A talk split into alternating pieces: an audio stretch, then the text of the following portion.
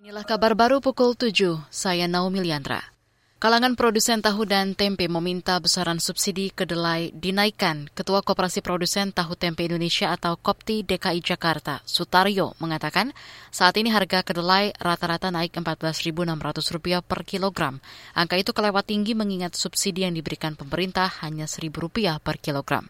Sebelumnya harga kedelai di kisaran Rp11.000 per kilogram dengan subsidi yang tadinya bisa mengurangi 12 ke 11, itu dengan adanya harga yang terlalu tinggi, jadi nilai subsidinya jadi nggak terasa gitu. Karena naiknya terlalu cepat dan tinggi. Nah, melonjak, kecuali begini, oh 14, tetapi subsidinya subsidinya 3.000 gitu mungkin gitu loh. Tapi kalau subsidi diangkat 2.000, lalu kedelai gerak di 15 sama aja kan. Ketua Kopti DKI Jakarta Sutaryo berharap awal tahun depan pemerintah menetapkan kebijakan subsidi yang berpihak pada produsen tahu dan tempe.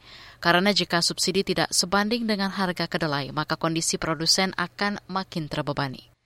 Saudara, DKI Jakarta menyumbang penemuan angka penyakit ginjal akut anak terbanyak. Kepala Dinas Kesehatan Jakarta Widya Stuti mencatat saat ini ada 90 kasus yang ditemukan sejak Januari. Kalau melihat tren yang kami dapatkan dari data rumah sakit tadi, eh, peningkatan yang sangat signifikan itu terjadi di bulan Agustus, September, dan Oktober. Jadi eh, pada saat bulan Januari, Februari, Maret, April itu satu, dua, tiga lah. Tapi begitu di bulan eh, Agustus itu langsung lebih dari 10 angka pertama yang bisa kita deteksi yang melaporkan. Itu tadi Kepala Dinas Kesehatan DKI Jakarta Widya Stuti. Sementara itu Dinas Kesehatan Jawa Barat menyatakan jumlah pasien penyakit ginjal akut sebanyak 41 orang dengan 16 di antaranya meninggal.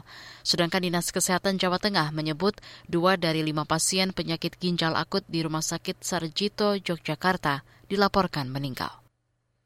Kita beralih ke berita olahraga. Klub Inggris Liverpool meraih tiket ke babak 16 besar Liga Champions setelah menundukkan tuan rumah Ajax Amsterdam 3-0 di Stadion Amsterdam Arena dini hari tadi. Tiga gol Liverpool masing-masing dicetak oleh Mohamed Salah, Darwin Nunes, dan Harvey Elliott. Berdasarkan laman resmi UEFA, Liverpool berada di peringkat kedua grup dengan perolehan 12 poin, unggul jauh dari posisi ketiga yang ditempati Ayak dengan raihan 3 poin. Peringkat pertama grup dipegang klub Italia Napoli dengan 15 poin. Demikian kabar baru, saya Naomi Liandra.